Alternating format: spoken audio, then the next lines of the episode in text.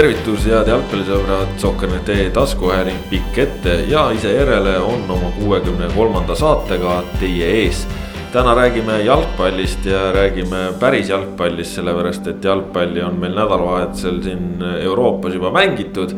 ja see nädal toob meile erakordselt tiheda vuti seitsmepäevakuga Eestimaa pinnal pannakse pall veerema premium-liigas esiliigas naised mängivad superkarikat, nii et jalgpalli juttu jagub äh, tänasesse päris palju.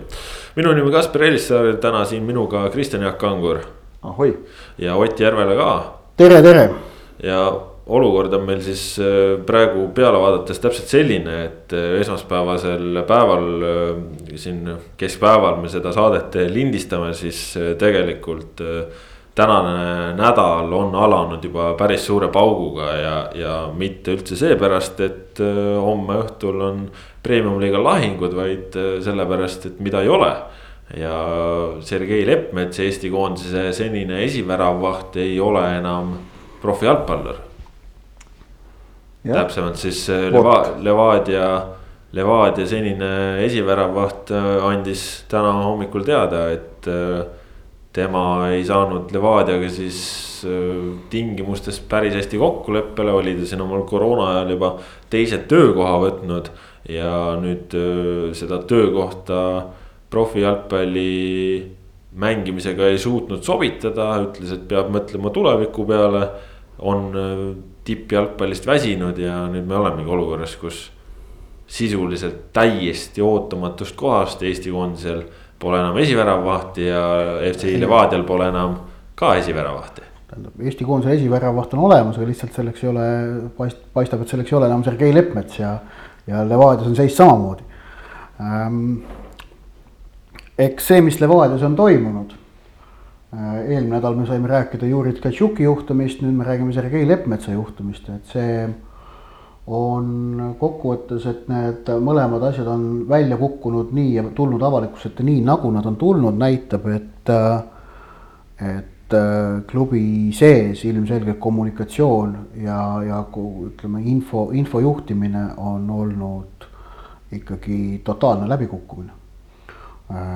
et, et säärased asjad tulevad välja nõnda öelda kaudselt, mitte klubi enda poolt äh, teada antuna.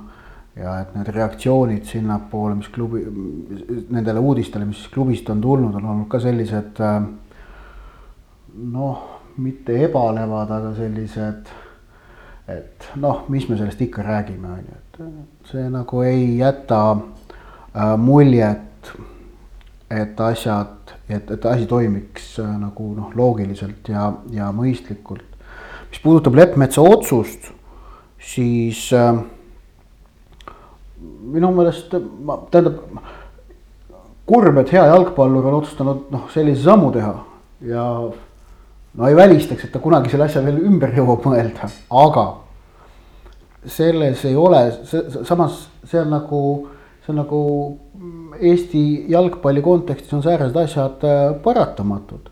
Eesti premium-liigas äh, ei maksta mängijatele äh, noh, kõrget palka. et me teame, et noh, et äh, seis on selline, et, et näiteks jalgpallurid, kes teenivad kaks Eesti keskmist palka, on premium-liigas vähe. ja, ja, ja ilmselt see, see number on seal paarikümne kandis heal juhul. võib-olla nad noh, siia-sinna natukene ehk et eh, jalgpall ei ole Eestis mingi ja premium-liiga jalgpalluriks olemine ei ole nagu valdkond, kus on võimalik suurt raha teenida. Eh, ja nüüd, kas see on midagi traagilist, siis minu meelest ei ole, vaid see on noh, üpriski õiglane turu, noh, vaba turg toimib jalgpallis teatavasti. ja see on nagu kindlasti parem lahendus kui see, mida ühel teisel pallimängul, kus jalaga mängida ei tohi aastaid rakendati, kus tegelikult noh, toimus totaalne Eesti mängijate ülemaksmine.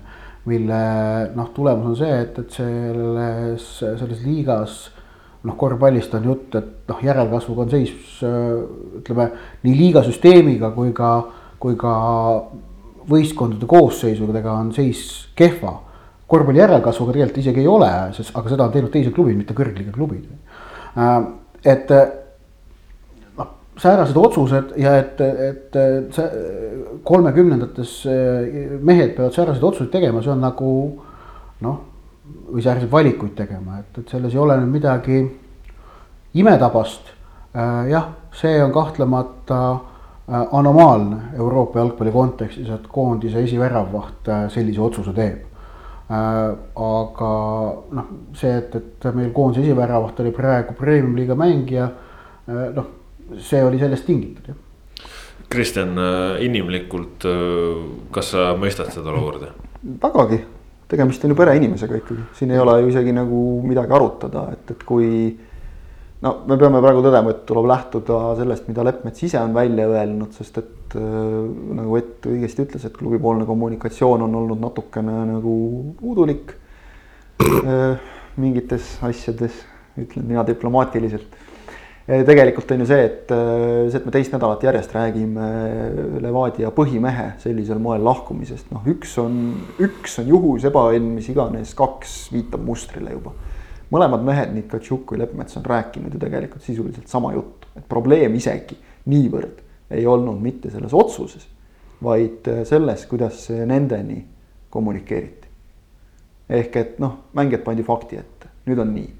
Kõik saavad ju aru, et äh, on keeruline aeg, palku on kärbitud äh, enamikus Eesti premium-liiga klubides või mitte kõigis peaaegu, isegi mingil moel, eks ole, kindlasti on koomale tõmmatud, see on täiesti loomulik ja sellest me saame ju ka kõik aru, et et me teame äh, täpselt, mida Ott ütles ka õigesti, noh, selle turusituatsiooni ja selle kohta, et et, et millised on Eesti klubide sissetulekud, äh, kust need tulevad, meil puudub sellised, puuduvad sellised tavapärased mehhanismid, nagu on, on Euroopa klubidel publiku ja, ja kõige selle muu pealt äh, saadav sissetulek või, või teleülekannetelt saadav sissetulek jah, kõik, ma usun, et, et kõik nagu mõistavad, aga lihtsalt see, et vähemalt mulle on küll jäänud Katšuki ja Leppmetsa väljaütlemistest selgelt see mulje, et äh, probleem oli selles, mismoodi neile sellest äh, teada anti.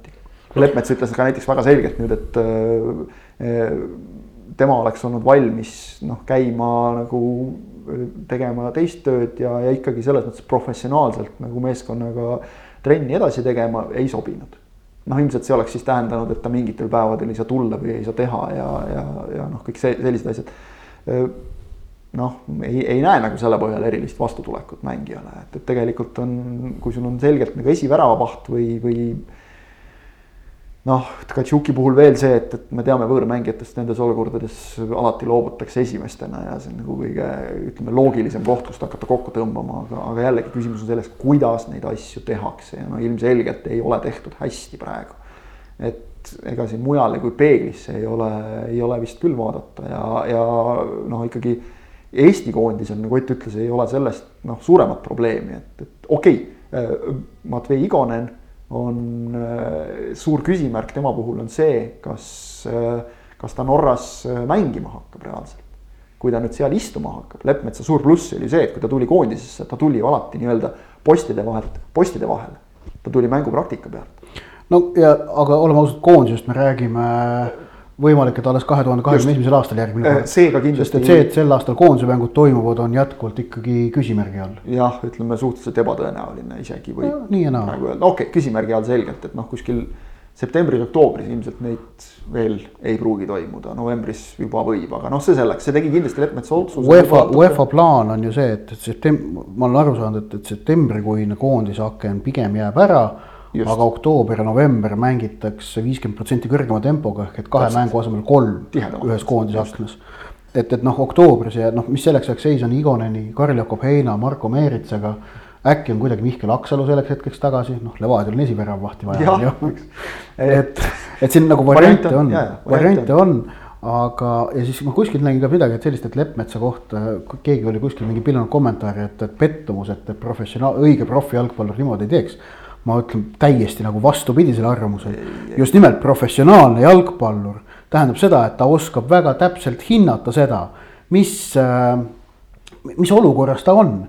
Äh, millised on ta võimalused äh, teha profijalgpalluri tööd ja annab selle kohta ka adekvaatse tagasiside nii siis oma tööandjale ja ütleb, mis nagu seis on ja no siis ütleme, kui sealtpoolt oli vastus see, et ei sobi see, et sa kahte asja korraga teed, siis sa lihtsalt ei tee seda. poole kõvaga ei ole Leppmets ise nõus tegema, eks ole, ega ta ei loobunud ju jalgpallist kui sellisest, ta loobus profijalgpallurist, tööst, sellest kui elukutsest, tööst yeah ehk et ta käib, kui nüüd päris tülli ei minda, noh, ta tahab, ma saan aru, ta tahab nagu Levadia duublis edasi mängida, eks ole, ja.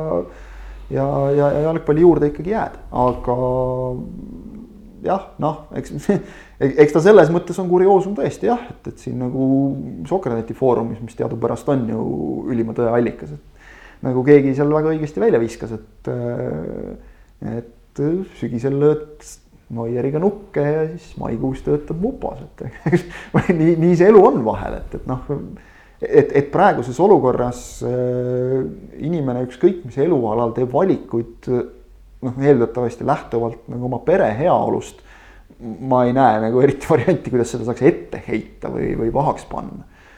aga Levadial muidugi läheb ikka, ikka keeruliseks. Artur Kotenko, noh, me teame, ta on tubli väravavaht, aga ta on tegelikult ju sisuliselt, ta ei ole sellest ise ka saladust teinud, ta on nii-öelda ühe jalaga pensionil juba.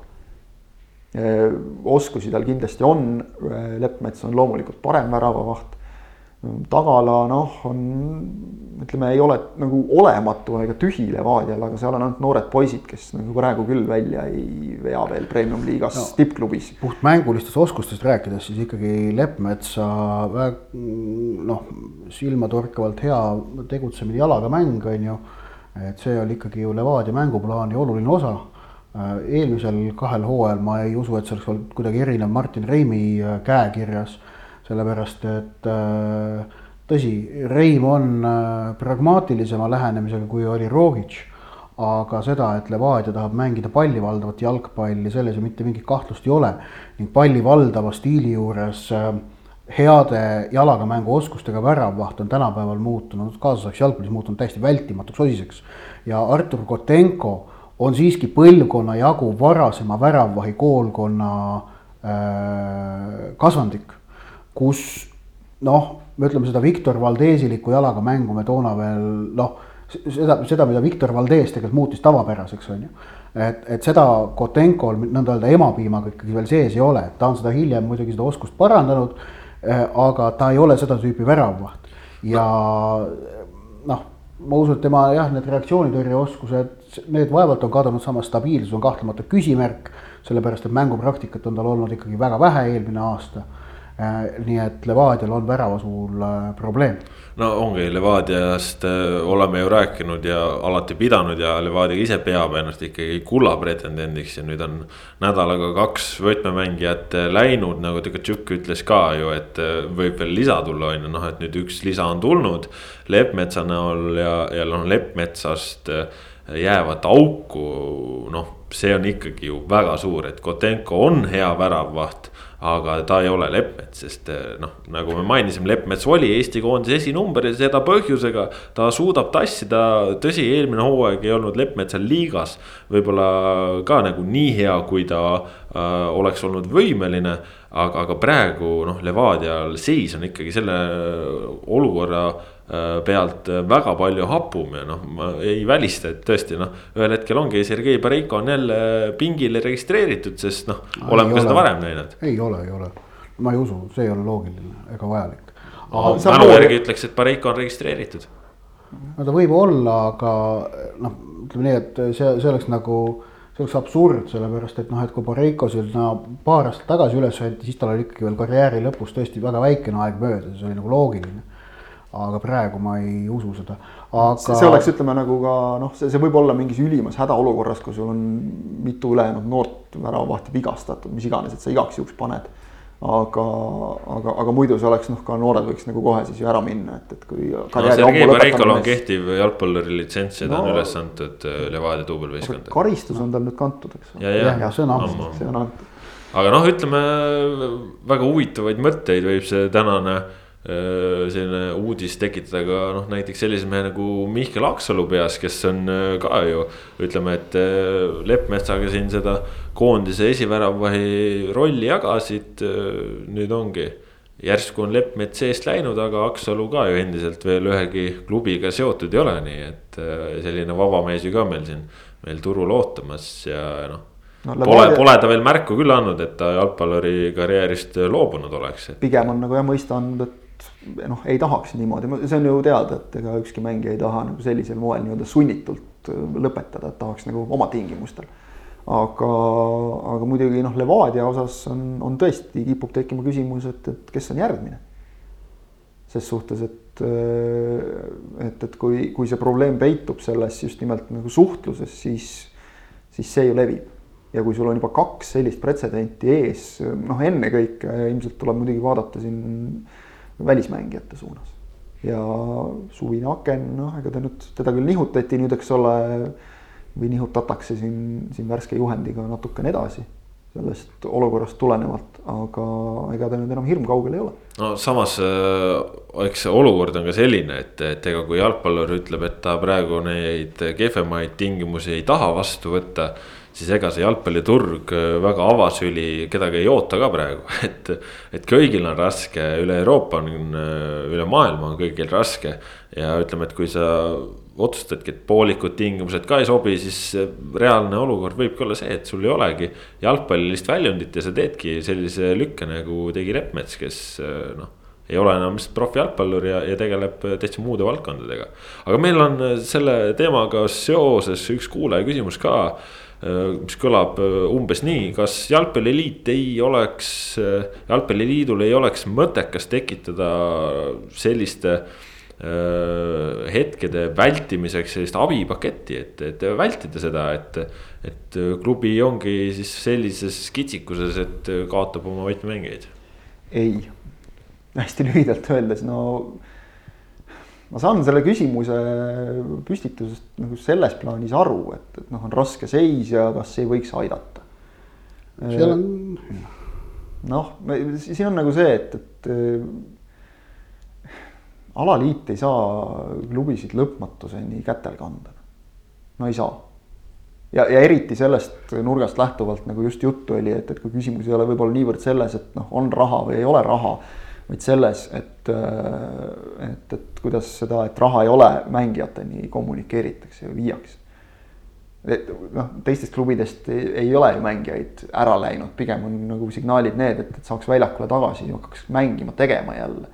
siis saaks nagu jälle, eks ole, asjad käima ja, ja siis noh, kõik saavad ju loogiliselt aru, et siis saab ka need palgad võib-olla jälle mingil hetkel tõsta tavapärasele tasemele. kui sa jälle süsteemi käima saad. ei, no minu meelest noh, on täiesti jabur nagu öelda, et, et Eesti Jalgpalliliit ei aita premium-liiga klubisid, noh. sellist nagu arutelu no, ja see, see iga, iga asi ei saa nagu olla ka selline nagu te, õudne demokraatia, lepime kõik alati kokku, nii et kõik oleksid rahul ja nõus ja. ja anname muudkui raha ja, ja kõike seda, klubide vastutus ja, on ka mingisugune olemas. tuletame meelde, et, et jah, et jalgpalliliidu tugi klubidel on niikuinii nii noh, tuletame meelde, see oli see tänavuse aasta solidaarsusmehhanism kuuele klubile, kes eurosarjas ei mängi, maksumus kuussada tuhat. Äh, saime siin tänasest Päevalehe artiklist teada, et Jalgpalliliidu kulu kõikidest mängudest, Premium-liiga mängudest videopildi tootmisel aastas kakssada kuni kolmsada tuhat. Ähm, stipendiumid, äh, noormängijate stipendiumid, igas Premium-liiga klubis kuus stipendiaati Äh, ma nüüd seda summat peast ei oska öelda, aga ma pakun, et see summa on ka kuskil paarisaja tuhande kandis vähemalt kokku no, aastas. ütleme, et ühe klubi peale juba ju ühes kuus äh, on see summa tuhat äh, siis viissada või? jah ja., summad on Rohkem. ju nelisada, viissada, kuussada ehk siis. kolm tuhat, kuus, kuus mängijat on seal ju, mitte kolm no selles mõttes, et. Kaks tükki kuuesaja peal, kaks viiesaja, kaks neljasaja peal, kolm tuhat on ju noh, ja arvutage sealt edasi. ehk et noh, siin on praegu miljon on juba koos ja siis paneme muid kaudseid kulusid veel juurde, mis nagu kõrgliiga korraldamisega kaasnevad. ja, ja nüüd rääkides konkreetsest juhtumist, siis äh, mis või kes on keelanud FC Levadial eelmise kolme-nelja aasta jooksul kasvatada endale noormängija, kes on võimalik maha müüa näiteks neljasaja viiekümne tuhande euro eest, nagu Flora tegi Erik Sorgaga. Ehk et äh, alati on see võimalus Äh, või Levadia ei ole sääraseid mängijaid eelmiste aastate jooksul suutnud endale üles kasvatada. kelle mängiõiguste müügi eest oleks võimalik olnud teenida arvestatavaid summasid, mis tähendab tõesti, et Levadia rahastusmudel on noh, ei pea olema nagu tead mis suur geenius, kui seda väljaspoolt vaadata, et näha, et see on ikkagi üpris ühekülgne. et noh, tuluallikad on eurosari Äh, noorte pearahaga, see kulub reeglina üldjuhul ikkagi ja seda on ka viisakas mitte esindusmeeskonna jaoks kasutada, vaid see tulebki kulutada ainult noorte jalgpalli peale, aga klubi eelarvesse sisse tuleb. noh, mingid sponsortulud, aga kõrvalt vaadates ausalt öelda Levadia tegevus selles vallas ei ole teab mis äh, äge ja nende särgi sponsor on Viimsi keevitus, mis kogu austuse juures väga, väga vinge, et Viimsi keevitus seda asja teeb ja nõnda edasi. aga kui me võrdleme, et Floral on Tele2 Kaljul on Pahv. Äh, need on ikkagi hoopis suurema kaliibriga ettevõtted. ja noh, me teame Pahvilt, mis see aastane summa oli, üle saja tuhande Kaljule. sada tuhat suurusjärk jah, vist umbes ei, kaheksakümmend viis tuhat äkki oli no,, midagi sellist, jah. suurusjärk. noh, äh, Flora lepingu suurust me ei tea, aga ma pakun no,. see, see oli, see oli ka ametlik, see on sarnane suurusjärk. Sa, suurusjärk, ma usun, on sarnane. võib-olla mingi seitsekümmend aastas või noh. okei okay., aga noh, ma väga kahtlen, et Viimsi keevitus äh, pakub midagi sarnast. ja, ja see on nagu näiteks üks koht ka, kus Levadia on selgelt eh, noh, konkurentidele alla jäänud. ning, eh, ning eh, see tähendabki, et Levadia ikkagi väga oluline noh, tuluallikas on see, et omanikupoolne investeering ja investeering ei tähenda siis sealjuures midagi sellist, mida raha tagasi õnnestub teenida, vaid Viktor Levada lihtsalt maksab Levadiat kinni olulisel määral ja Andrei Leskin ka.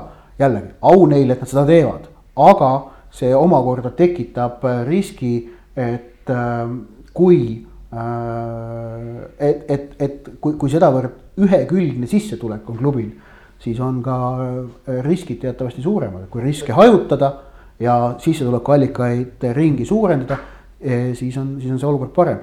tõsi, ja nüüd muidugi ma pean, lisan siia juurde veel, et see, et, et noh, Floral õnnestus Sorga suht viimasel hetkel maha müüa.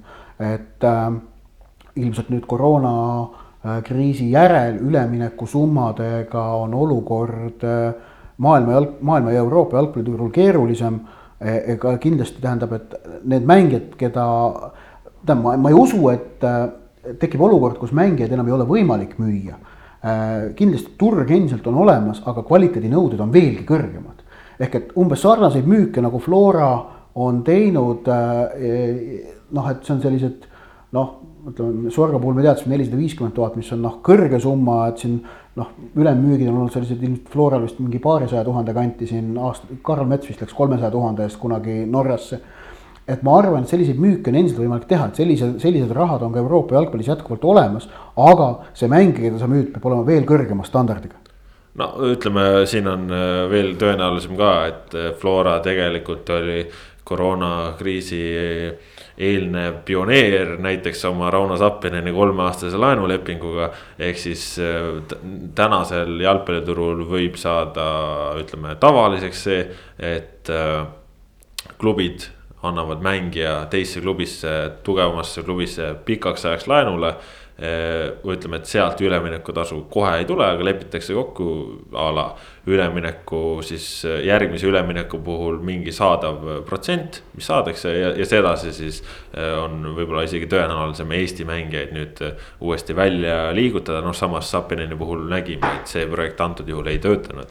ja Sapinen on tagasi Eestimaal, aga noh, see selleks, et see ütleme, et praegune koroonakriisi järgne turg tõenäoliselt selliseid tehinguid ka suuremas jalgpallis ette toob ja teine konks on see, et äh, üks asi on see noor, noormängijate müük, teine on see, et, et äh, kui sa kasvatad endale lihtsalt neid noormängijaid, et keegi oleks võimeline praegu noh, ütleme, et Katšuki koha üle võtma lihtsalt. just. et selle tõttu noh, ütleme okei okay,, praegu nagu otseselt Rasmus Peetson võtab üle, eks ole, ilmselt, aga, aga siis jääb nii-öelda pingile kohe nagu jälle auk.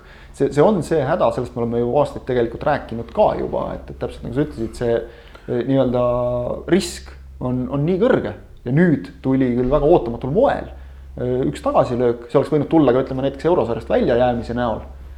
Vahet ei ole, selles rahastusmudelis on kohe suur auk sees ja kui sa koostad meeskonda nii nagu Levadia ikkagi suures plaanis on teda viimastel hooaegadel koostanud ehk nii-öelda noh, projektipõhiselt, hooajapõhiselt, hooaja kaupa, siis tekibki sul see, et kui sa seal mis iganes põhjustel, eks ole, ütleme näiteks ka veel siin ju Levadial on vigastustegagi probleeme, eks ole, põhimeestega. et et, et mõni mees kukub sulle ära sealt ja sa oledki käpuli omadega, et noh, see risk on lihtsalt nii kõrge. see ei ole absoluutselt tõesti öeldud ka parastamise pärast, aga, aga need on nüüd küll need riskid, mida klubi kannab ise ja mille, mille eest ta, ta vastutab ise, no ei saa teistmoodi kahjuks no ega siin ei olegi midagi muud, tuleb loota, et, äh, et Levadia klubina ja, ja ütleme, et Andrei Leškinil, Viktor Levadal äriliselt läheb lihtsalt olukord paremaks, läheb hästi. loodame, et Levadia rohkem ei pea mängijatest ilma jääma, loodame, et, et see olukord selles mõttes normaliseeruks või midagi taolist, et, et ikkagi premium-liiga ei kaotaks korralikku klubi ja, ja korralikke mängijaid. ja ma lisan ka lihtsalt omalt poolt ka veel korra, et noh, tõesti nagu Ott ütles, et müts maha nende meeste ees, et nad on niimoodi viitsinud ja jõudnud seda asja vedada, see ei ole kerge. lihtsalt, et praegu, kui me seda saadet siin salvestame, veidikene pärast keskpäeva on tulnud ka teade, et täna kell pool neli äh, Levadia treenerid, Leppmetsa juhtkond istuvad veel korra maha, et mine tea, äkki selleks hetkeks on see jutt, mis me oleme rääkinud, juba natukene muutunud, äkki, äkki läheb hästi, äkki veendakse mees ümber. see oleks, see oleks võit Eesti jalgpallile, aga ma tahan siin veel kord rõhutada, et mingit nagu noh, et, et mingit nagu ükskõik milline pahameel Leppmetsa suhtes või, või, või, või arusaamatus, et see nagu absoluutselt ei ole asjakohased. igalühel on õigus otsustada, mida ta teeb, sealhulgas, kas ta mängib jalgpalli kõrgliigas või ta ei mängi, väga lihtne nii ta on, aga läheme siit edasi selle kõrgliiga juurde, mis meid ees ootab juba teisipäeval. kell seitse õhtul läheb premium-liiga Vurr uuesti veerema. kui esmalt siis mängivad Kuressaare Nõmme Kalju ja teevad seda siis seal Saaremaal, mis tükk aega oli inimestele üldse suletud, nii et Nõmme Kalju mängijad saavad kohe väärt Uusiku rajooni, kus pole palju inimesi viimasel ajal käinud, lisaks siis äh, Tallinnas jalgpalliklubi Leegion ja Levadia, seesama Levadia Kadrioru staadionil vastamisi lähevad üheksateist kolmkümmend, Sohkanet ei otsepilt Paidest, kus kohalik linnameeskond võõrustab tulevikku. ja kolmapäeval siis jätkume juba Kalev Trans ja Flora Tammeka lahingutega, nädalavahetusel ootab meid ees juba ka siis nii-öelda kolmas voor. sealtki Soker.net otsepildis kaks mängu jalgpallisõpradeni toob, ehk siis eh, noh, ütleme juba ette ka ära, et eks see Soker.neti rütm saab siin olema ikkagi otseülekanne, otseülekannetes ka niimoodi, et nädalasisestest voorudest üks mäng. ja nädalavahetusel siis noh, ütleme, et keskeltläbi tavaliselt kolm mängu. eks see natukene varieerub siia-sinnapoole, aga Soccer.netis kõige rohkem premium-liiga otseülekandeid näeb võrreldes kõikide teiste kanalitega, nii et Soccer.netil hoidke silma peal, sest sealt te näete head jalgpalli.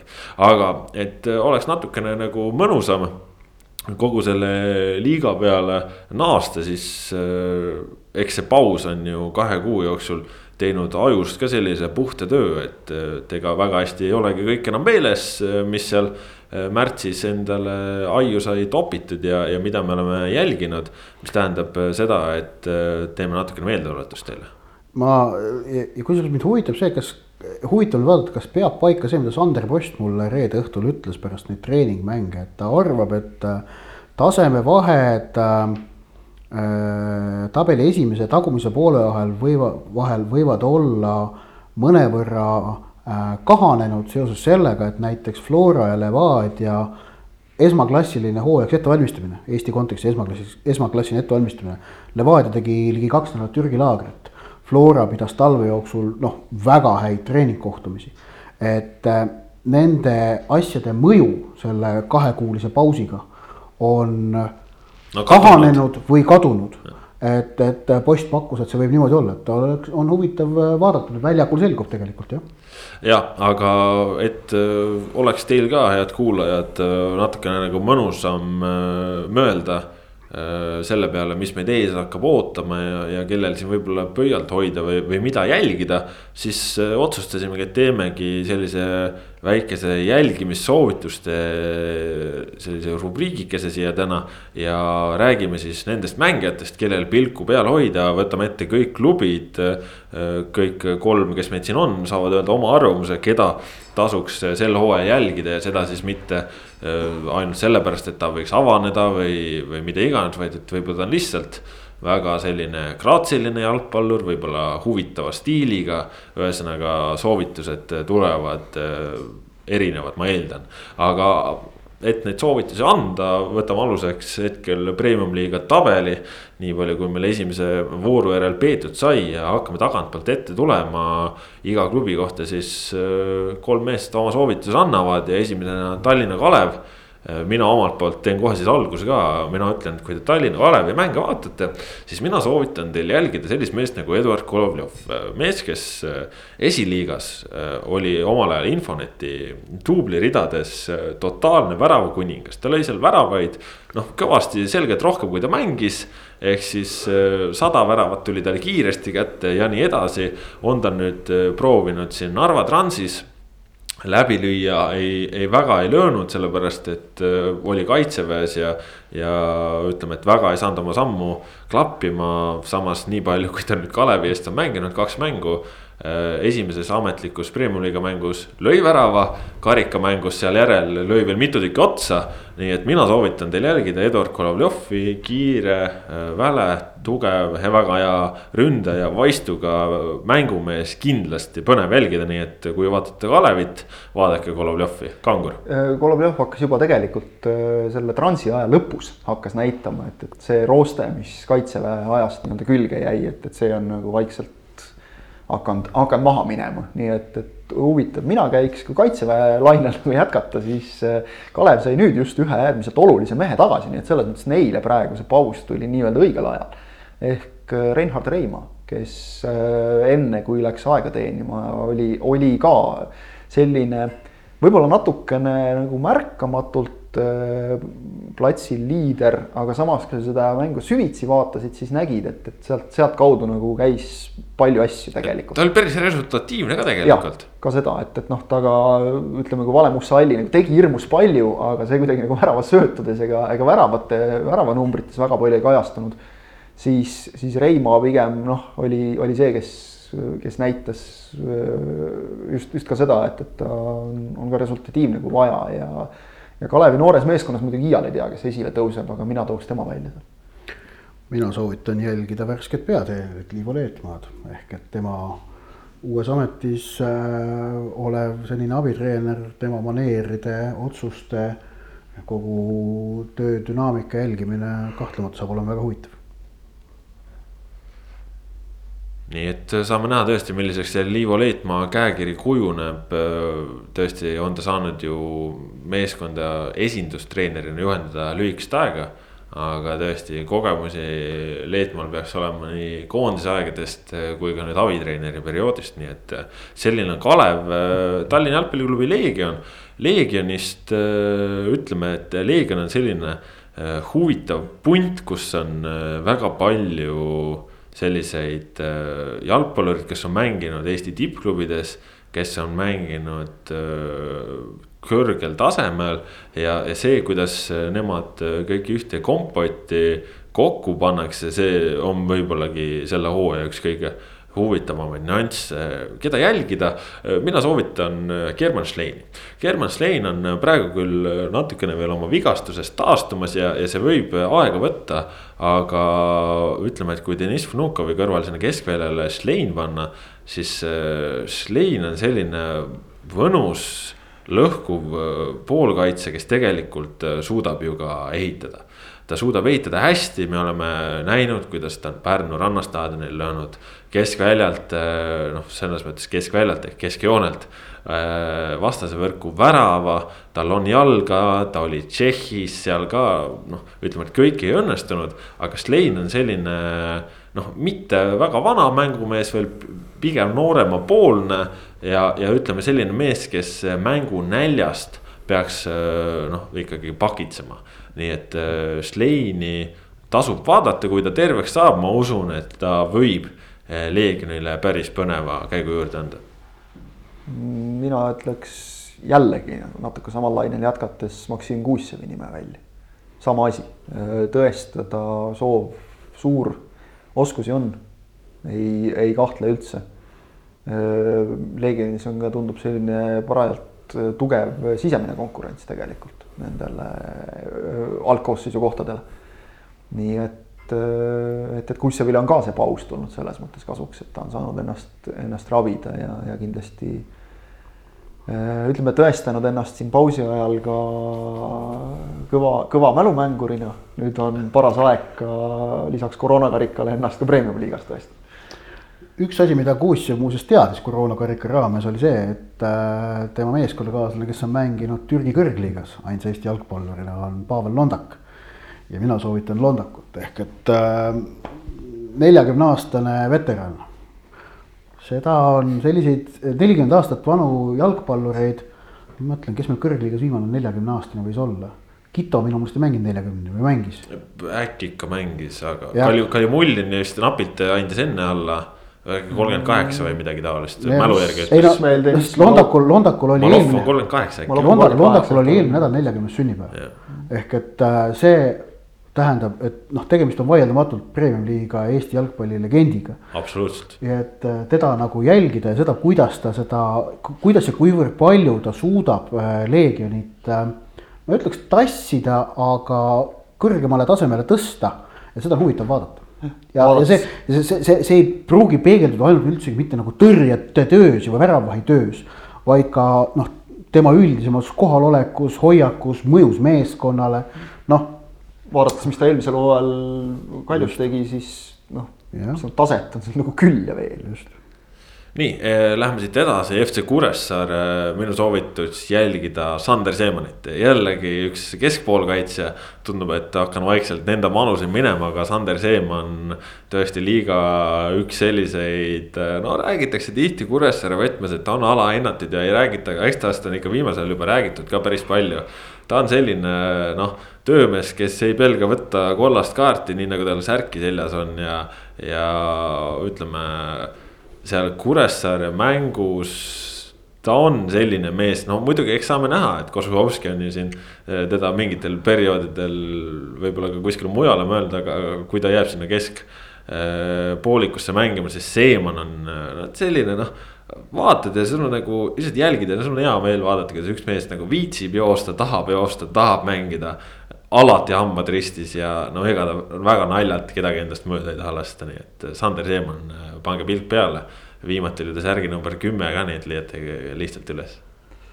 ma lähen nüüd hästi sellist lihtsat ja traditsioonilist rada pidi ja, ja jälle täpselt sealt, kust alustasid, üks Sander, siis teine Sander otsa, ikkagi Sander Laht, no ei, ei saa üle ega ümber selle, see on selle meeskonna liider ja, ja, ja noh ütleme just see, et, et ma loodan, et tal on vähemalt sama vabad käed ka nagu rünnakul mängida, kui tal olid eelmisel aastal, ilmselt on, on suuremadki vabadused ründes tegutseda. Ja, ja tegelikult üleüldse noh, kogu see, see Kuressaare mäng, see saab olema huvitav vaadata, et, et nad ilmselgelt hooaja algul oli näha, et mehed olid ise niivõrd tohutus vaimustuses sellest, et, et tõesti meile nagu öeldakse, et mängige palliga, et, et ei pea kogu aeg seal kaitses istuma Kuressaarel on see kuidagi see tempel külge jäänud, et muud moodi ei saa kui ainult kaitses istudes. ei ole vaja. ehk et noh, kaitse peab ka korras olema muidugi ja eks ta ilmselt on, on ka suhteliselt vaadates, kes seal, kes seal mängivad, et sellele on ka kõvasti tähelepanu pööratud. aga, aga kui Laht on seda tüüpi mängija, et kui talle nagu anda vabadust, siis ta on võimeline ikka nagu päris ägedaid asju tegema on ju ka Kuressaares huvitavaid äh, veterane nagu Tutk ja Valmas, aga ma soovitan Oliver Rassi äh, vaadata, et mulle väga eelmine hooaeg, nii palju, ma ei vaadanud eelmine aasta Kuressaaret just palju, aga ta hakkas silma, et ta on selline äh, minu meelest pakub selliseid loovaid lahendusi seal keskväljal ja, ja oskab kenasti valida seda intensiivsuse nivood, kuidas, kuidas mingitesse olukordadesse minna, et seda on huvitav kas äh, Ott seda valikut äh, praegu natukene mõjutas kuidagi ka sinu äh, rahvatantsu taust, mis sul perekonnas on, teame, Oliver Rass on ka rahvatantsija. ei, ei mõjutanud. see, et, et mu perekonnas jah, mu isa ja õe, õde on jah tantsujuhid, aga ei tähenda, et mina ise rahvatantsu teeks. Vot nii palju Kuressaarest, läheme edasi, liigatabelist tuleb meil sealt järgmisena Narva Trans. Ja Narva Transist no ma, ma ütlen, ma nägin oma silmaga siis äh, seda hooaja kõige esimest mängu, superkarikat Narvas Fama staadionil peeti. ja Ofosu Opijah, no ta on lihtsalt äh, fantastiliselt värvikas kuju. oli ta infonetis, on ta ka nüüd äh, Narva Transis, ta on lõbus. ta on väga kirglik, ta on keskkaitsja kes on õhus, noh, ütleme, et kui varem Transis Dante Leverok oli näiteks selline väga selge õhukunn, siis Ofosu Opiah, ta ei ole küll nagu gabariitide poolest nii suur. aga ta on ikkagi väga hea põrkega, ta on väga hea ka nurgalöökide puhul siis ründavas olukorras, ehk ta suudab ka rünnakule lülitada ja. ja Piachi puhul nad, seal on sellist mõnusat Aafrika jalgpalli mekki ka juures ja nõus, sees, sest tema. on ise võimeline palliga lihtsalt võtma ja läheb viib palli rünnakule, et sellist asja see Eesti keskkaitsjate puhul. seda tehakse Eestis, muidu teevad keskkaitsjad seda väga niimoodi kontrollitult. et siis, kui nad näevad ja nüüd on võimalus, nüüd ma lähen ja see on meil ette nähtud. Abiyahil ei ole mitte midagi, aa, no davai, teeme ja, et Abiyahi puhul täpselt see oli, mida ma tahtsin siia veel juurde lisada, et see, kuidas ta võib lihtsalt ühel hetkel otsustada, et ma nüüd lähen ja siis ta läheb ja see on lõbus, nii et Ofosu Piah, kes kaitseb. ettearvamatu, vaata, see on see aafrikalik ettearvamatus ja see lõbusus, mis tegelikult on Euroopa treenerite poolt Aafrika mitmetest koondistest välja juuritud. sest et Euroopa treenerid ei suuda seda nagu taluda. Ähm, et see on Abiyahis jätkuvalt alles ja samas ma väidan, et äh, seetõttu äh, Af-, Sahara-aluse Aafrika koondised pole ka maailmameistrivõistlustel edu saavutanud, et see lõbusus on sealt välja juuritud. eelmisel MM-il, kes mängis sellist lõbusat jalgpalli, oli Senegal. jah, nad ei saanud edasi, nad jäid, on ju, kollaste kaartidega jäid, on ju, alagruppi pidama. Äh, aga see selleks, Jaapan neid tõestas sellega, aga nad näitasid selgelt, mis on nagu Aafrika jalgpalli tee edasi, see on ja nende peatreener oli ju Aliou Cissé, mees, kes kaks tuhat kaks Senegali mängija ja kapten vist isegi oli. ehk et äh, Aafrika jalgpalli tee on see, et nende enda treenerid, kes on käinud Euroopas ja saanud sealt äh, seda, ütleme, Euroopa jalgpalli kogemust, tulevad tagasi, töötavad Aafrikas ja oskavad kombineerida seda euroopalikku nägemust, aga säilitada Aafrika jalgpalli iseloomu, sest ilma selle eripärata pole Aafrika jalgpallil lootuski Euroopa või Lõuna-Ameerika vastu saada sellepärast et noh, kopeerides ei ole sa kunagi niivõrd hea kui, kui originaal.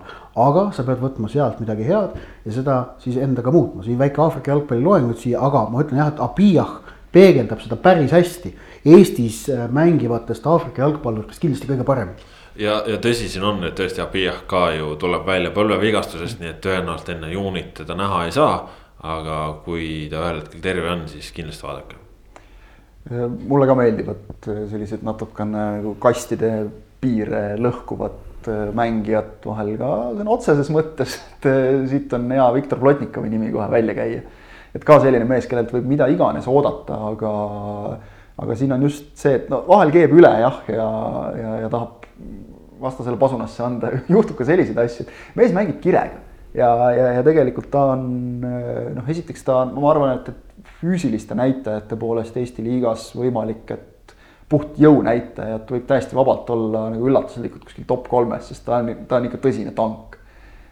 ja, ja samas on ta ka tegelikult palliga erakordselt osav, et ma kujutan ette, milline väljakutse on treenerile selline mees, noh, sa pead ikkagi mingil määral ta nagu platsil raamidesse mahutama, kasvõi seetõttu, et ta sul kogu aeg kaarte ei võtaks ja mänge vahele ei jätaks aga, aga kui Plotnikov, see on üsna selline noatera peal kõndimine, et, et tal nagu need kõik need asjad paigas on, et tal on nagu ühtepidi hea mängutuju ja teistpidi, et ta üle ei kee. aga kui ta selle, selle õhukese jää peal seal nagu selle jalgealuse kätte saab ja, ja kindlalt liigub, siis teda on jube äge vaadata ma, no Narvas tegelikult põnevaid mängijaid on, on palju ja noh, võiksin siin öelda näiteks Roman Sobtšenko nime või Aleksandr Zakarljuka nime aga nad on, ma arvan, Eesti jalgpallisõbrale natukene tuntumad mehed ja neil juba osatakse tegelikult eh, silma peal hoida, ma ütlen siis selle.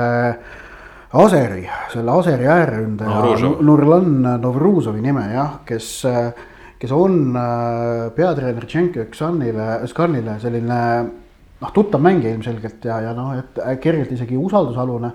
et noh, teda nägi küll üpris põgusalt seal ühes tali, taliturniiril ja niimoodi, aga ütleme episoodiliselt paistis olevat päris ikkagi terav vana eh, ja, ja huvitav mees, et, et. Eh, no selline tihe samm ja sihuke mõnus, mõnus jah. jah, jah, tõsi, ma vastupidavuse osas ma olen mõnevõrra pessimistlik ja ka selles, kuidas, kuivõrd stabiilselt ta suudab mängida, et, et ma pakun, et kui ta oleks stabiilne mängija, siis ta mängiks kuskil kõrgemal tasemel. temaga on vist see konks ka, et peatreenerit ei saa lahti lasta, sellepärast et minu meelest ta ei, keeli vist ei tönka eriti, et, et seal natuke sellised probleemid tekivad Transi juurest edasi minnes äh, leiame liigatabelist Viljandi tuleviku.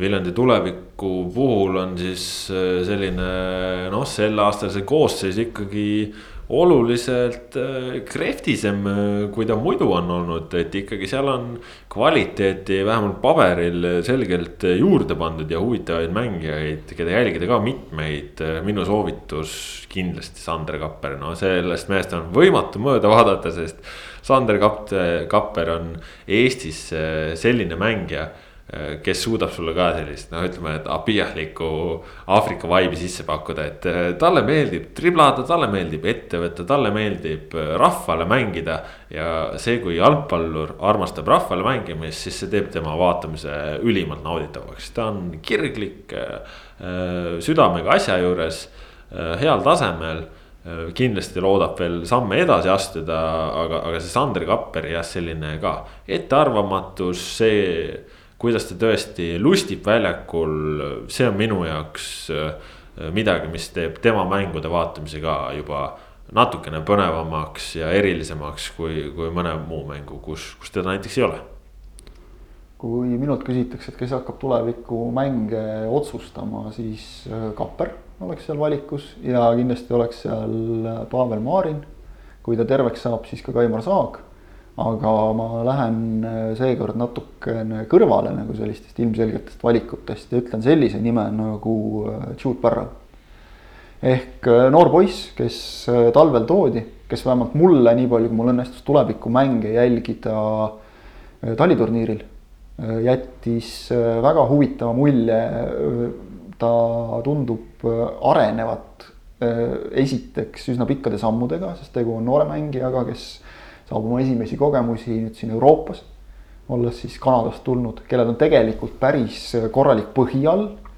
ja, ja just selles plaanis ma, ma ise tahan, tahan tal natuke sel hooajal silma peal hoida, et, et noh, Kapperite, Marinite kvaliteeti me teame kõik, kes on premium liigat jälginud. aga ma tahaks näha, et väga raske on muidugi öelda, see võib ka olla selline esimene sähvatus lihtsalt ja mehest ei tule midagi. aga, aga ma, ma, see tundub mulle huvitav mängumees, ma tahaks tal silma peal hoida tema oli see, kes Moldovast rääkis, jah? ei, äh, ei, see ah. oli äh, Dabrovski nimeline ah,. õige, jah, jaa, sorry, sassi läks. meie tulevik on neid palju toonud, nii et anname andeks. ja, jah e,. mina, no seal jällegi noh, lihtne oleks öelda Herald Riiberg või, või Alex Roosalu või Kaimar Saag, aga ma tooksin välja Mark Eduri, kellest natuke vähe räägitud.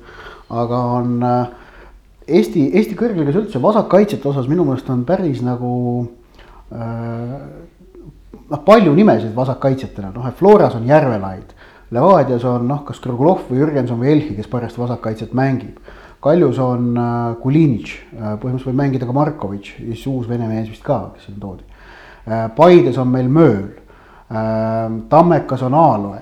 nüüd on see, et, et äh, kuhu, kas, kelle ja kas, kas ja kelle neist suudab Mark Edur üle mängida, et äh, see on kahtlemata väljakutse talle ja see on ka mõttes tuleviku jaoks oleks oluline, kui ta, kui nagu Mark Edur suudab tõusta mängijaks, kes on selline enda äärt suudab domineerida mingites äh, faasides, siis see võib meeskonnale väga palju juurde anda. ärme unustame ühte asja ka veel, kui ta peaks sinna ääre peale jääma Mariniga koos mängima, mõlemad on Levadia taustaga poisid, nad on minu teada suhteliselt, saavad hästi läbi omavahel, et, et see keemia võib seal väga hästi tööle hakata nii, aga siit äh, Levadiat mainisid, Levadia juurde ka tabeli järgi jõuame. noh, Levadia on juba selline, kus äh, on need nimed äh, ikkagi kuulsusrikkad ja, ja ega siin väga vähetuntuid persoone nagu polegi, noh praegu Leppmetsa peale enam ei, ei pane neid soovitusi, hetkel vaatame, äkki kõik läheb hästi, aga, aga mina soovitan. soovitan silma peal hoida Bogdan Vašjuki Instagramil. no seda võib ka teha Vašukil mängijana ka, aga, aga mina soovitan äh, jälgida Brent Lepistut. Äh, Lepistu kvaliteeti ju tegelikult Eesti äh, meistriliiga jälgijad teavad aga Lepistu, ütleme, ta ongi, ta on mõned aastad Eestist eemal olnud ja minu arust on väga põnev jälgida, milliseks on siis tema selline ütleme, jalgpalluri persoon kujunenud nende võõrsil veedetud aastate jooksul, et ütleme, et Florast me mäletame sellist noh ta oli ikkagi selgelt liidri tüüpi mängija. suutis väravaid lüüa standardolukordadest peaga, tal on väga hea vasakjalg diagonaalide peale. et sellist mängu ehitamist, mängu juhtimist palli edasiviimist, ma arvan, et nüüd, kui Tükatšuk ka, kes on ka ju selline noh, ka pikasöödumees, et, et teda nüüd enam ei ole üldse, siis, siis Lepistule esiteks langeb suurem vastutus. aga ma arvan, et, et Brent on täpselt selline tüüp, kes saab selle vastutusega hakkama. nii et äh, mina soovitan, jälgige Brent Lepistut äh, Levadia keskväljas südames. Äh, ääre peale sealt minnes Mark-Oliver Roosnup minu meelest äh, võiks sel hooajal, ma ei taha öelda peaks, aga kindlasti võiks. Võib-olla isegi juba tegelikult ka peaks vanust vaadates sel hooajal tõusma Eesti liigas vähemalt nagu väga selgelt tegijaks. ma tahaks, tahaks näha seda ja, ja sealtkaudu ka võib-olla seda koondise ust natukene jälle, jälle rohkem lahti lükkama ma, ma tahaks nagu väga näha, et, et kogu aeg natukene nagu juba hakkab meenutama mulle kergelt Marinit Levadias, et nagu mingi väike pidur oleks peal. miskipärast on sihuke tunne. Ehm, mina tsiteerin Vladimir Vassiljevit, toonast Levadia peatreeneri kohusetäitjat eelmise aasta teisest novembrist. Ehm, tema omapära on, et ta ei karda ühtegi vastast ega anna kellelegi armu, tal pole vahet, kes on vastas ta on jalgpallur, kes läheb iga treeninguga paremaks, lisaks on ta lühikest kasvu, mis muudab tema peatamise vastase jaoks keeruliseks arvan, et järgmisel hooajal teeb ta Premium-liigas suuri tegusid. See on Artjom Komlov või? just, Artjom Komlovist niimoodi räägiti, et mind äh, soovitan jälgida, kas ja kui palju saab Komlov sel hooajal siis Premium-liigas võimalusi ja kuidas ta neid ära kasutab. nii, Levadiast äh, leiame edasi tabelist Nõmme Kalju, Nõmme Kalju siis äh, Hiiu männide all Marko Kristali käe all liigub siis seda teed pidi, et tulla taas Eesti meistriks väikese vahe järel. Ja Nõmme Kaljust mina soovitan, pange silm peale Odilaaviale. brasiillasest ründaja, keda õnnestus näha mõningates treeningmängudes ja see, mida ma nägin, see oli vaimustav. selle põhjal ma ütleks, et ta on parem mängumees kui Lilju.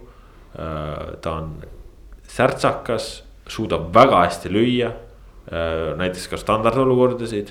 Äh, väga hea jalaga, väga hea ninaga, liikuv, mobiilne. Noh, ütleme mulle tunduks, et Odilave võib olla täielik Brasiilia pärl äh, siin premium liigas. kas ta ka on, kuidas on mõjunud siin isolatsioon, karantiin kõik muud asjad, kuidas ta selle Eestiga kohaneb, aga noh. ütleme, Marko Ristel ütles mulle ka kevade hakul, et kui ilmad soojaks lähevad. vot siis ta võib alles mängima hakata, et praegu vähemalt alustame muruväljakute peal äh,. Päikest juba võrdlemisi palju näeme. Kalju küll, tõsi küll, murul ei mängi. no see selleks, ütleme, et võõrsil ikka on ju, et äh, Odilaviol äh, mina soovitan silma peal hoida. tundub väga põnev mäng. selle järgi nüüd vaatame, millal ilmad soojaks lähevad, siis no siis jääbki ootama, aga, aga okei okay,, see selleks, soojamaks siis. Ehm, ma oleks tahtnud teist ründajat mainida, Peeter Kleini, kes tundus, et eelmisel hooajal sai nagu just äh, üks hea hoo sisse ja, ja siis tuli see loll vigastus, noh nat-, natuke nõmedalt, õnnetult niimoodi. Ehm, et äh, lihtne tal kindlasti ei ole praegu Kalju, Kalju rünnakul äh, seal sellist äh, kandvat rolli mängida just nimelt Odilavio kõrval. või, või siis ka seal kedagi üle mängida üldse koosseisus, kuigi Kalju koosseis nüüd noh, ütleme võib-olla see ongi suurim miinus, et ei ole just liiga, liiga tummine selles mõttes, et no,. KTM, KTM võib-olla natuke aitab. aga, aga kindlasti aitab see KTM seal, aga, aga ma tahaks just näha, et, et Klein ikkagi ka mitte ainult selle tõttu ei ole platsil, et ta on KTM, vaid, vaid selle tõttu, et ta on selle koha seal välja teeninud mina soovitan jälgida, kuidas Igor Subbotin äh, meeskonda veab. see on see roll, mille ta tegelikult eelmise hooaja keskel ju üle võttis, ta tõusis meeskonna liidriks väljakul. Eriti siis, kui Udže oli juba lahkumas ja Lili oli juba lahkunud.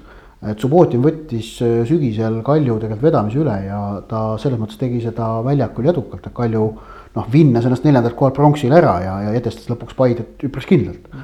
See oli meeldiv ootamatus tegelikult, Ja- et ja- me see- rääkisime temast kogu aeg kui nagu noh, kuidagi ära vajunud või aga see, ebaõnnestunud äärest mehed, kes ei just- leia ennast ja siis järsku. kuidas Roman Kozuhovski leidis talle ikkagi väljaku keskele talle selgelt sobiva koha ja kuidas Subbotinile see vastutus ja kõik, mis sellega kaasnes, meeldis. ja see, kui me mõtleme, kuidas nagu Subbotin on ennast oma karjääri jooksul noh, juba nüüd siis äh, teist korda ümber leiutamas positsioonilises mõttes. sest ta alustas Levadias ju karjääri puhta ääreründajana, siis ta vahepeal tegelikult Levadias mängis ju ründajana Äh, ja nüüd on tal tegelikult selgelt nagu hoopis uus ampluaa ja positsioon ja see, kuidas ta seda äh, mängib, seda on huvitav vaadata. no ütleme, Marko Kristal ei ole välistanud ka, et ta kasutab Subbotenit võib-olla mõne koha peal, mis on talle tuttav, ehk siis Jah. Levadia ajast. just. Noh, saame näha. saab näha jah. Äh, Levadiast edasi jõuame Tartu Tammekani. Tartu Tammeka siis avavoorus suutis Viljandi tulevikku alistada, selle tõttu nad äh, tabelis äh, kolmanda koha hetkel enda hallata on võtnud. Tartu Tammekast mina soovitan jälgida Sten Reinkorti. pikakasvuline ründaja, kes võib mängida väga edukalt ka äärel ja kes on oma äh, pikast kasvust hoolimata päris selline tehniline äh, ebastandardsete lahendustega ja ka selline huvitav mees, kes tuli eelmisel hooajal, lõi selle ukse nagu pooleldi jalaga lahti. vaatame, et kuidas ja kas ta siit nüüd suudab edasi ka minna, igatahes Reinkorti tasub jälgida, sest äh, noh ei tahaks küll mingit Zlatan Ibrahimovitši võrdlust tuua, aga, aga kui sa oled pikk mängija, kellel on ka tehnika jalgades olemas, siis äh, see on kahtlemata ilus asi, sest kõik pikad äh, jalgpallurid seda ja selle poolest õnnistatud ei ole jaa, kõik ei ole. Tammekast on jube raske valida nagu selles mõttes, et seal on neid süle ja seljaga just neid, kes noh, ega, ega kes näiteks eelmisel hooajal nüüd seda Patrick Enrovelmat oskas nii väga pakkuda siin esiletõusjaks. lihtsalt nagu ühtepidi tahaks nagu minna mingit traditsioonilist teed, aga, aga kui ma praegu lihtsalt korra veel pilgu üle, üle nimekirja lasin mõttes ja siis veel kindluse mõttes ka üle päris nimekirja, siis siis jäin tegelikult vaatama Karl-Juhan Pehteri nime peale. et, et kas ta, see, et ta noh, Tammekas on tegija, see on vaieldamatu täiesti. teda võib seal ikka väga selgelt liidriks lugeda juba meeskonnas. aga kas ta on nüüd nii palju ka sisu, noh muidugi Tammeka ideaalis tahaks lihtsalt ise tõusta oma meestega sinna top kolme, kus nad praegu ongi. või sinna, sinna tippude juurde ja, ja mängida siis eurosarja et see on ideaal, aga, aga hetkel nad siiski noh, on sellest veel suhteliselt kaugel, nagu eelmise hooaja tabel meile ikkagi suhteliselt veenvalt lõpuks näitas. et, et kas, kas Pehteris nagu seda materjali ka on, et noh, kui me siin rääkisime veel Levadia potentsiaalselt vabast esiväravahi kohast näiteks. et, et murda veel kõrgemale ja, ja mingil hetkel noh, võib-olla äkki me võiks nagu temast ka rääkida kui koondise kandidaadist. et, et, et seda oleks minu meelest huvitav vaadata. sest eeldused minu meelest on tal paljuski olemas selleks, et, et olla Eesti mõistes tippväravavaht. ja isegi noh, rohkem kui nagu premium-liiga mõistes. Mihhail Slašov, jällegi äärekaitsja, mis on muutunud äh, kaasaks jalgpallis üha, üha põnevamaks positsiooniks. ta on ka selline huvitava taustaga ju mängija, kuidas ta on, on, on tõusnud ja tulnud ja ja Tammekas endale väga sellise pasliku koha leidnud, et, et teda on põnev vaadata. Tammekast edasi jõuame Florani ja Florast mina soovitan, noh muidugi. siin Konstantin Vassiljevist on raske mööda vaadata, aga ma praegu vaatan seda. ja, ja ma soovitan jälgida Rauno Sappineni, sellepärast et Sappinen ka on siin olnud välismaal. ja mulle tundub et ta on võib-olla Eestisse naasnud ikkagi praegu sellise väravasoone peale, et, et hakkab kõmmutama. ja see, kuidas noh, ütleme, et keskmist kasvu ründaja on ennast kehaliselt nii tugevaks suutnud ajada, et ütleme, et kui. kui varem tehti nagu natuke mõned irvhambad nalja selle üle, kuidas Zappinen kogu aeg nii-öelda persel on, siis nüüd on ta ikkagi. suudab väga hästi kehaga seda palli katta ja, ja, ja tal on kiired sammud ja ta näeb hästi väljakut, ta on ju vana keskpoolkaitsja ja. Ja tal on seda nina ja tal on, tal on seda vaistu ja, ja ta on ikka ja jälle selles õiges kohas ja ta suudab mõlema jalaga lüüa ja. ja tundub jah, et tõesti, et Zappineni võib nagu selle nurga alt tõesti huviga jälgida, et kas ta nüüd lööb sama palju väravat kui lõi näiteks Erik Sorga, lööb ta rohkem, lööb ta vähem. et äh, Zappin on kindlasti väga põnev mängija, keda sel hooajal premium, premium liigas jälgida tal on tõestada ka kindlasti tohutult palju, sest passi Just. vaadates noh, ütleme tagumine aeg nüüd nagu teha ja juba teha ka koondises. kui on üldse soov teha tegelikult, sorgad ja, ja muud mehed tulevad vaikselt altpoolt juba peale. omalt poolt käiksin välja Michael Lillanderi, kellel nüüd Gerd Kamsi karjääri lõpetamise järel noh, on kõik võimalused teha, ta, Lillander jäi mulle silma juba siis, kui ta oli Paides, kui ta ju tegelikult tuli äh, lool, kui, kui ma õigesti mäletan, loo ja Nõmme United sealtkaudu vist, eks ole. ja, ja, ja Paides äh, esimesel hooajal, äh, kus ta noh, tal puudus aukartus täiesti, minu mäletamist mööda. ta lihtsalt tuli ja tegi oma asja nii hästi, kui ta vähegi suutis, arenes hooaja jooksul meeletult nüüd ta on tegelikult noh, sisuliselt samas seisus, Flora on samm edasi, eelmisel hooajal see mänguaeg jäi eri põhjustel noh, suhteliselt napiks. praegu on tal kõik võimalused võtta, võtta see äärekaitsja koht, paremkaitsja koht endale. ja, ja nagu vasakkaitsjatest rääkisime, siis noh, paremkaitsjaid Eestis üldse napib, ehk et sellega ka täiesti reaalne võimalus mängida ennast koondise ringi sisse. ehk Äh, kõva selline ja, ja ma usun, et, et noh, noore jalgpalluri oleks hea just võimalus tõestamise hooaeg teha. Kreida ikkagi jah, jääb, jääb minu jaoks selleks, keda ma noh, et ma tahan näha, mis järgneb läbimurde hooajale. kas, kas ta suudab panna sammu juurde, kas ta suudab säilitada stabiilsust. et äh, see on selles mõttes kui eelmine hooaeg oli Kreida karjääris kõige tähtsam, siis nüüd on praegune hooaeg kõige tähtsam. ja, ja see, millest me siin ennem rääkisime, et, et võimalused siirduda välismaale, et see standardid on tõusnud. ehk et kui sõbramees Sorga sai, sai nüüd tehtud, et Kreidal on vaja juurde panna, et teenida üleminek välismaale ja seda on huvitav näha, huvitav näha see tema kirglikkus selle, kuidas ta eelmine aasta oktoobris Minskis teatas, et ma tahan olla Eesti parim number kuus ähm,. noh, selline sihikindlus, mis sellest ütlusest läbi peegeldus, see oli see, see oli kolm-neli minutit see intervjuu, mis ta tegi selle Eesti ajakirjanikega.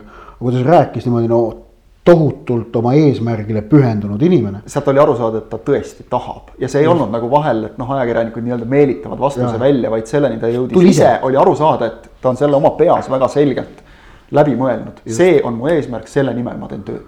nii et äh, kas ja kuidas suudab ta seda rolli sel aastal veel paremini mängida? vaadake, vaadakem.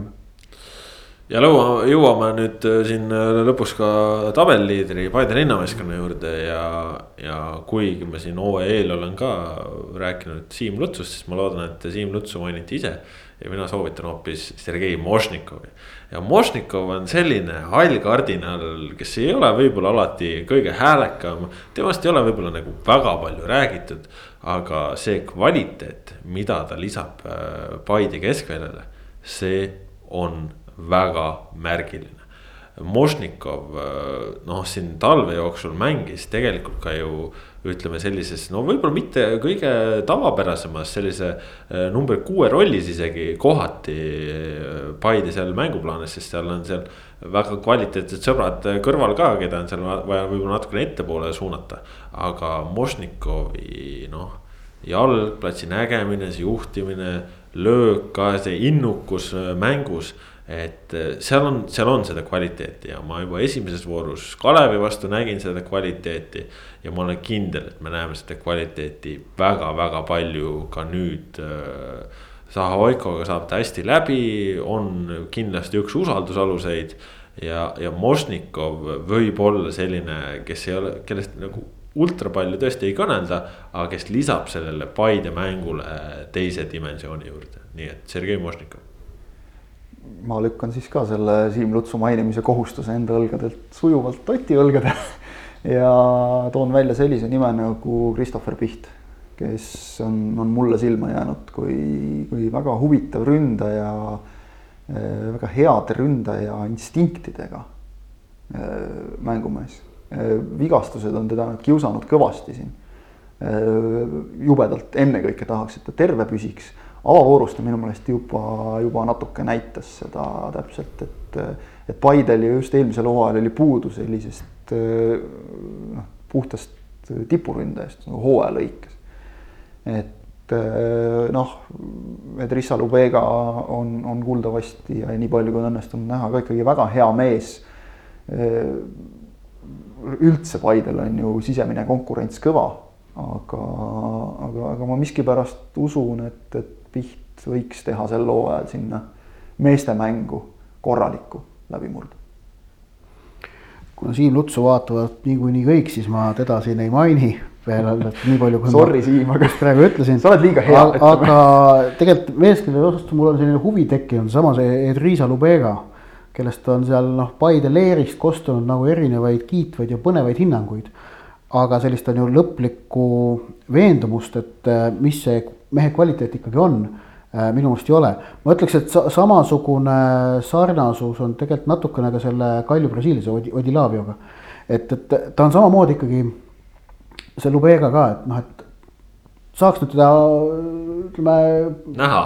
paar kuud järjest nagu näha mängimas ja see on kindlasti huvitav siis jah, et soovitan, soovitan vot nii palju premium-liigast äh, jälgige Sokkernetist, äh, saate mängu vaadata, mida vaadata ei saa, saate lugeda. ja kahtlemata kõik kõige olulisem Premiumi kohta ikka ja ainult Sokkernetist. aga läheme edasi rahvusvahelise jalgpalli juurde, sellepärast et nädalavahetusel hakati lõpuks seda kerakest veeretama ka väljaku peal ja noh, mehed, kuidas siis esimene Bundesliga nädalavahetus möödus. kui hea meel teil neid mänge vaadata oli? no võib-olla nagu oleks isegi eeldanud, et on suurem selline tuhin ja, ja õhin.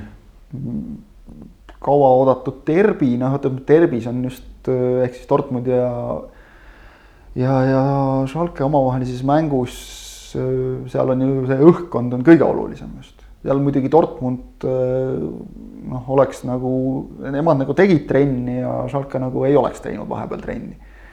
ehk siis noh, nagu kohe hirmhambad ümber ka ristisid, oligi Schalke null neli ehk ehk, ehk et see skoor peegeldas ka täielikult mängukäiku, Dortmund äh, ikkagi sõitis üle äh, Schalkest totaalselt. ja ma ei tea, noh see mind nagu võib-olla isegi nii väga ei häirinud see, et, et publikut pole ja, ja kõik, et me ju teadsime seda ette. et, et see nüüd nagu, eks neid äh, erinevate karistuste keeldude tõttu küll, aga eks neid ilma publikuta suuri mänge on nagu nähtud enne ka, et, et ta nüüd loomulikult on äh, suur ja ülimalt oluline osa on, on puudu. kui ei ole absoluutselt melu ja, ja, ja noh, kõike, kõike seda, mis, mis nagu jalgpallis teeb vaatemängu, lisaks mängule endale. aga imelik on nagu kuidagi selle üle kurta selles suhtes, et meil on täpselt nagu üks alternatiiv. see on see, et ei ole üldse mitte mingit jalgpalli ja seejuures ei ole seda jalgpalli ka ilmselt siis vähemalt sellisel kujul järgmisel hooajal, sellepärast et klubid on selle aja peal, nagu me oleme korduvalt rääkinud, sest nad on pankrotti läinud lihtsalt.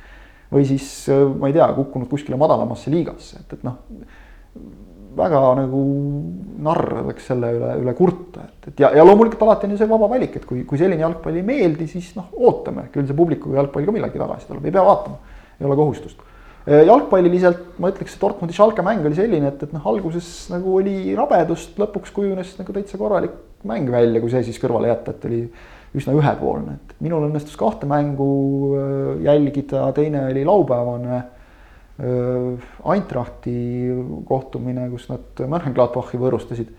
noh, seal muidugi tappis mängu ära see, et Gladbach lõi esimese värava kolmekümne viie sekundiga ja teise värava seitsmendal minutil, et et noh, siis on nagu tavaliselt nukker, see mäng õnneks ei olnud nukker, et seal nagu oli mängu küll ja veel ja. muidugi jah, oli natuke näha, et mehed on roostes ja kõik, aga, aga tahe mängida oli olemas. noh, kvaliteet Bundesliga-s on nagu alati olemas. ma ei tea, mina nagu ei oska sellele, muidugi ma paneks talle mingisuguse hinde, ma ei tea, kolm pluss või midagi sellist, mitte üle selle kindlasti kuskilt otsast.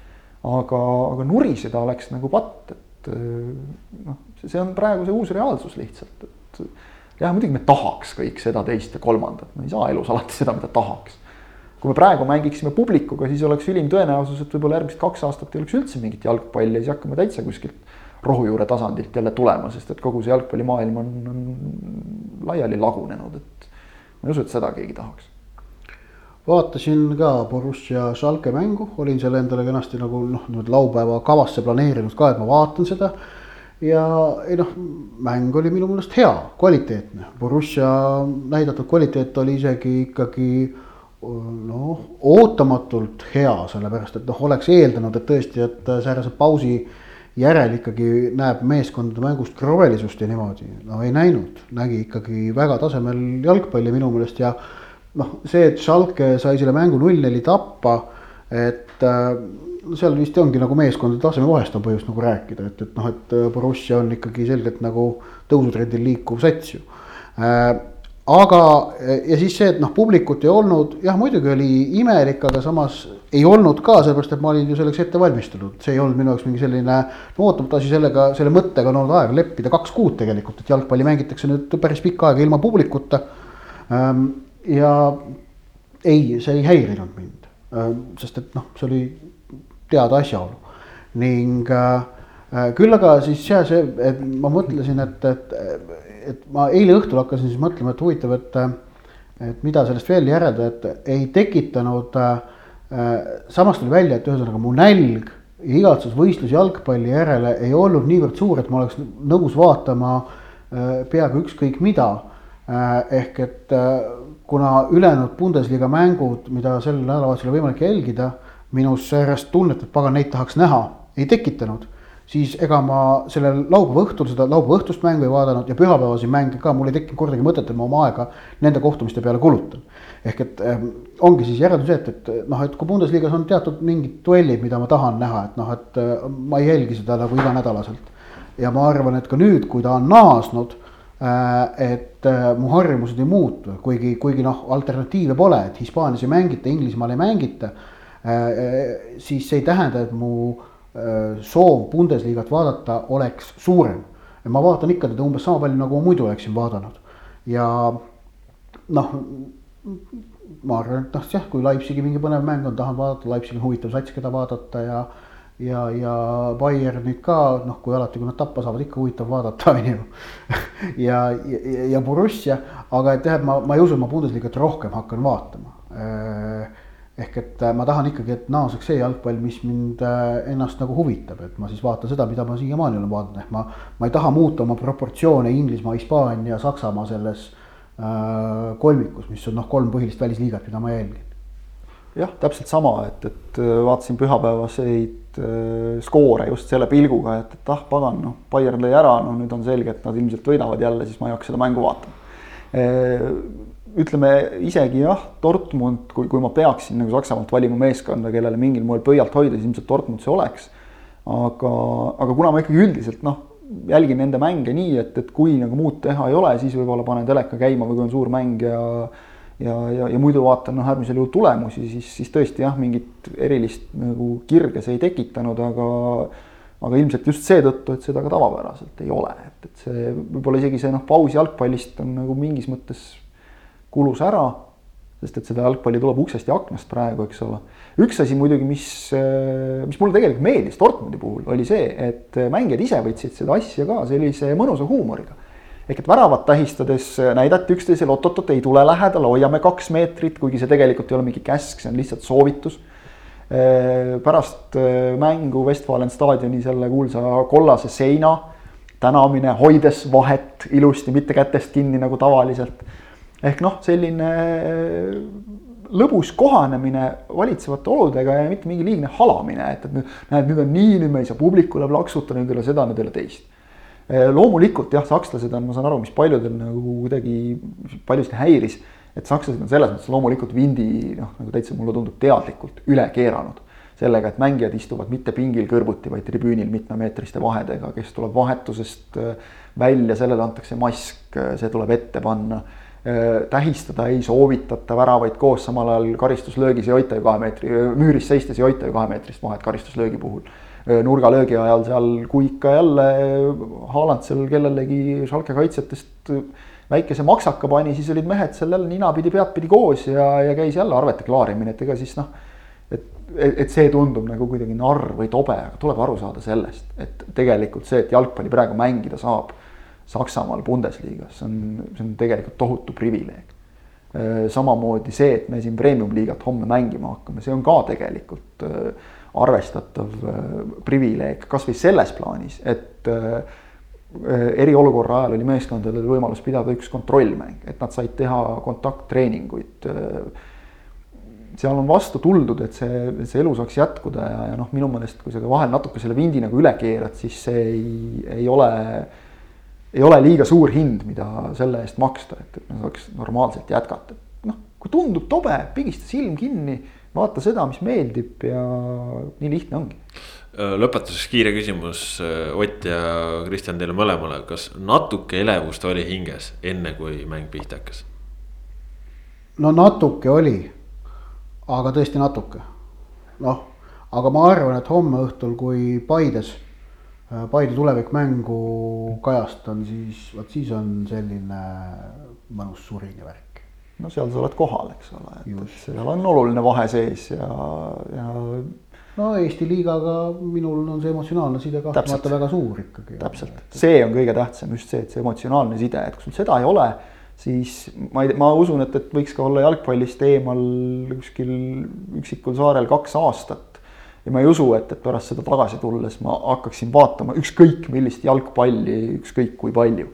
ma natukene kahtlen selles, et, et sul ikkagi tekivad, kujunevad ajaga välja omad mingid just lemmikud emotsionaalse sideme kaudu ja võiks, võiksid kujuneda uued lemmikud välja, aga et sa nagu hakkad proportsionaalselt kuidagi rohkem vaatama või valimatult vaatama, sellesse mul väga usku ei ole vot, aga nii palju siis äh, tänaseks äh, planeerisime küll esialgselt, et räägime ka kahe tuhandenda aasta EM-ist. Äh, rubriigi olid ajad, olid mehed raames, aga nagu nägite, siis premium-liiga siin võttis oma aja ära. ja noh, loodame, et siis jõuame järgmisel nädalal selleni, kuigi siis on meil endiselt palju premium-liigat kahtlemata. jah, selle katse Leppmets tõrjus, ütleme niimoodi just, aga aitäh kõikidele, et kuulasite püsige kindlasti Sohker.ee lainel, jälgige meid kõikides kanalites, kus te vähegi saate, SoundCloudis, Spotify's, Youtube'is, Twitteris, Instagramis, Facebookis. lihtsalt äh, olge meie lainel, siis oleme meie teiega koos ka.